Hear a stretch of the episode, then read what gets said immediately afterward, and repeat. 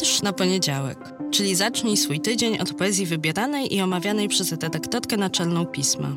Nazywam się Magdalena Kicińska i zapraszam do słuchania podcastu. Cykl powstaje we współpracy z Fundacją Miasto Literatury.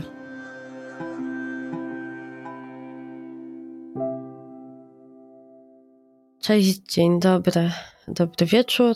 No i siup, no i już po świętach jak co roku całe to napięcie się nagle roztapia i zostaje nam już tylko szary, trochę bury, ciemny grudzień. Mam nadzieję, że mieliście dobre święta, jakkolwiek je spędziliście, albo i nie spędzaliście wcale, jeśli tylko takie było wasze pragnienie.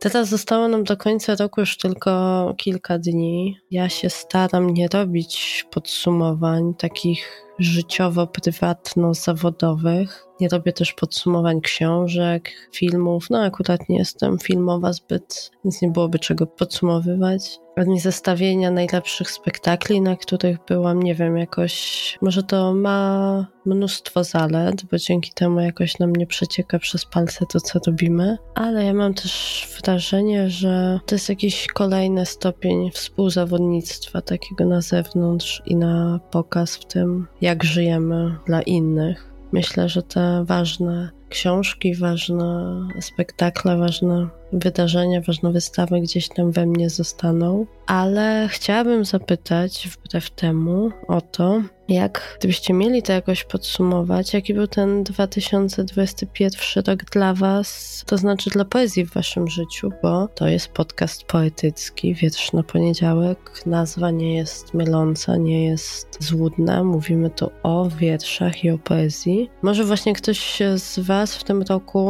w ogóle postanowił po nią sięgnąć i odnowić swoją relację z poezją po pewnie szkolnych doświadczeniach. Może coś Was szczególnie zachwyciło, wzruszyło? Może macie jakieś poetyckie objawienia, którymi chcielibyście się poradzić? Jeśli tak, to przypominam najdłuższy adres świata, pod który można do mnie pisać. Wiersz na poniedziałek, małpa magazynpismo.pl. Do moich olśnień na pewno należy tom Rośliny mięsożerne Genowefy Jakubowskiej-Fijałkowskiej, wydany przez Instytut Mikołowski, który to tom został w tym roku roku wyróżniony na festiwalu Miłosza, nagrodą imienia Wisławy Szymborskiej. Ja wcześniej nie sięgałam po wierszy Jakubowskiej Fiałkowskiej. Nie znałam też jej z tej strony, którą pokazała w świetnym wywiadzie Michała Nogasia, który możecie przeczytać w Gazecie Wyborczej. A w tym tomie, w roślinach mięsożernych, ujęła mnie swoją bezpośredniością, prostotą, siłą obrazu i jego niewygodnością. Poezja Jakubowskiej Fiałkowskiej jest jest, no właśnie użyłam tego słowa, niewygodna, taka trochę najeżona, taka bez pretensji, bez pragnienia do świata, żeby się światu podobać, niegrzeczna, zbuntowana, a zarazem dojrzała, bo to nie jest bunt nastoletni, jakiś taki młodzieńczy,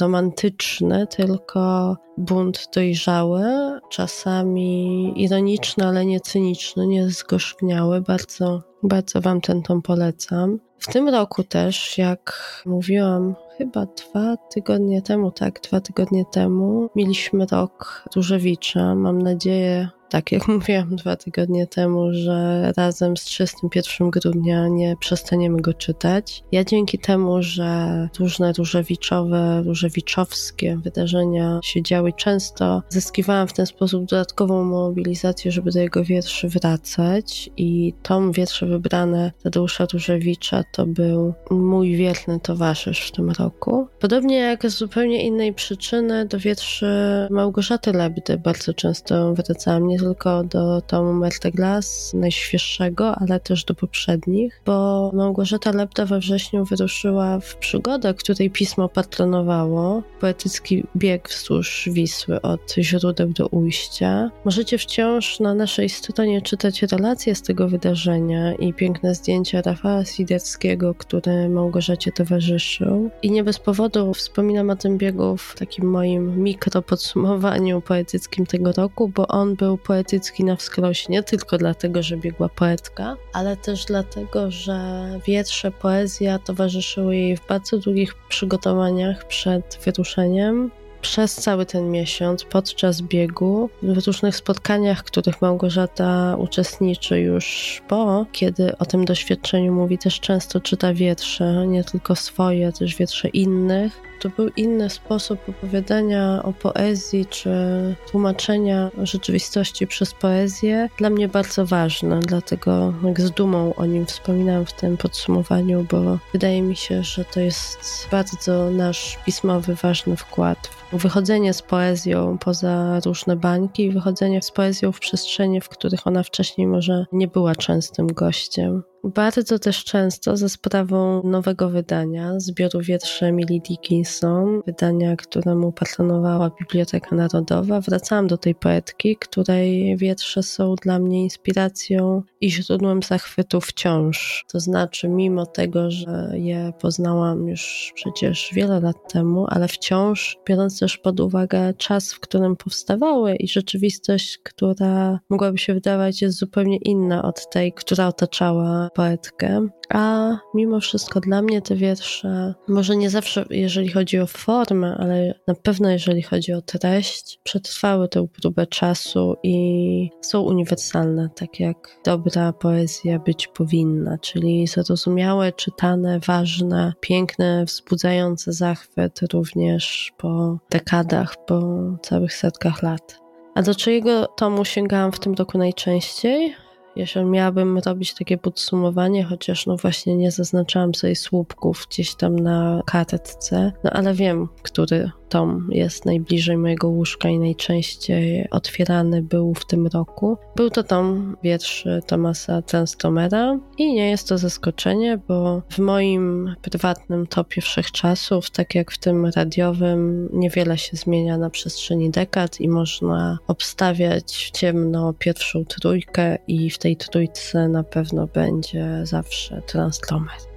Miałam też w tym roku okazję gościć na kilku festiwalach literackich, w tym na dwóch, gdzie poezję się świętuje, czyta, gdzie się nad nią rozmyśla i szuka odpowiedzi na pytania dotyczące rzeczywistości, właśnie przez poezję, wokół poezji przede wszystkim. Dzięki tej pierwszej imprezie literackiej, czyli dzięki Festiwalowi Miłosza, miałam okazję bliżej poznać wiersze tegorocznej debiutantki Sary Szamot, a dzięki temu drugiemu wydarzeniu we Wrocławiu miałam okazję wzruszać się przy nagrodzie za całokształt, którą uhonorowano Ryszarda Krynickiego w ten rok, tak jak w poprzednie zresztą, wchodzę z postanowieniem, życzeniem, marzeniem, że to może w 2022 spełni się moje wielkie pragnienie, by opublikować w piśmie jego wiersz. Piszcie proszę o swoim roku z poezją. Bardzo jestem ciekawa, co Was zachwyciło i dziękuję za kolejny rok z tym podcastem. To jest dla mnie ogromny zaszczyt być przez Was słuchaną.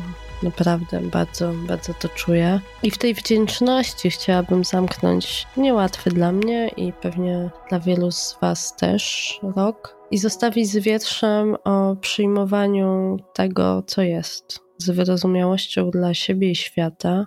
Oby ten nowy rok był dla Was, dla nas wszystkich dobry i łaskawy, bo chyba wszyscy tego potrzebujemy. A wybrałam wiersz poetki, której chyba w tym podcaście jeszcze nie było, ale może to jest dobry, taki też inne postanowienie obok pragnienia wiersza Ryszarda Krynickiego w piśmie, żeby w przyszłym roku nagrać podcast o Julii Hartwig, bo to właśnie wiersz tej poetki zmarłej przed pięcioma już laty wybrałam dla Was na zakończenie tego roku.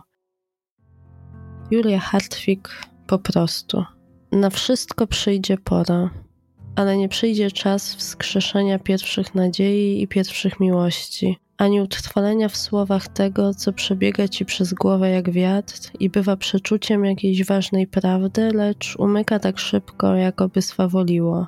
Przychodzi jednak nieodwołalnie pora, kiedy po kolei tracić zaczynasz wszystko, co kochałeś i wszystkich, którzy odchodząc stąd nie wyjawiają ci, czy odchodzą zawiedzeni.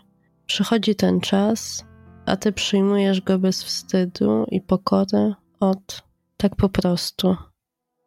Trzymajcie się ciepło i życzę Wam dobrego, spokojnego 2022 roku.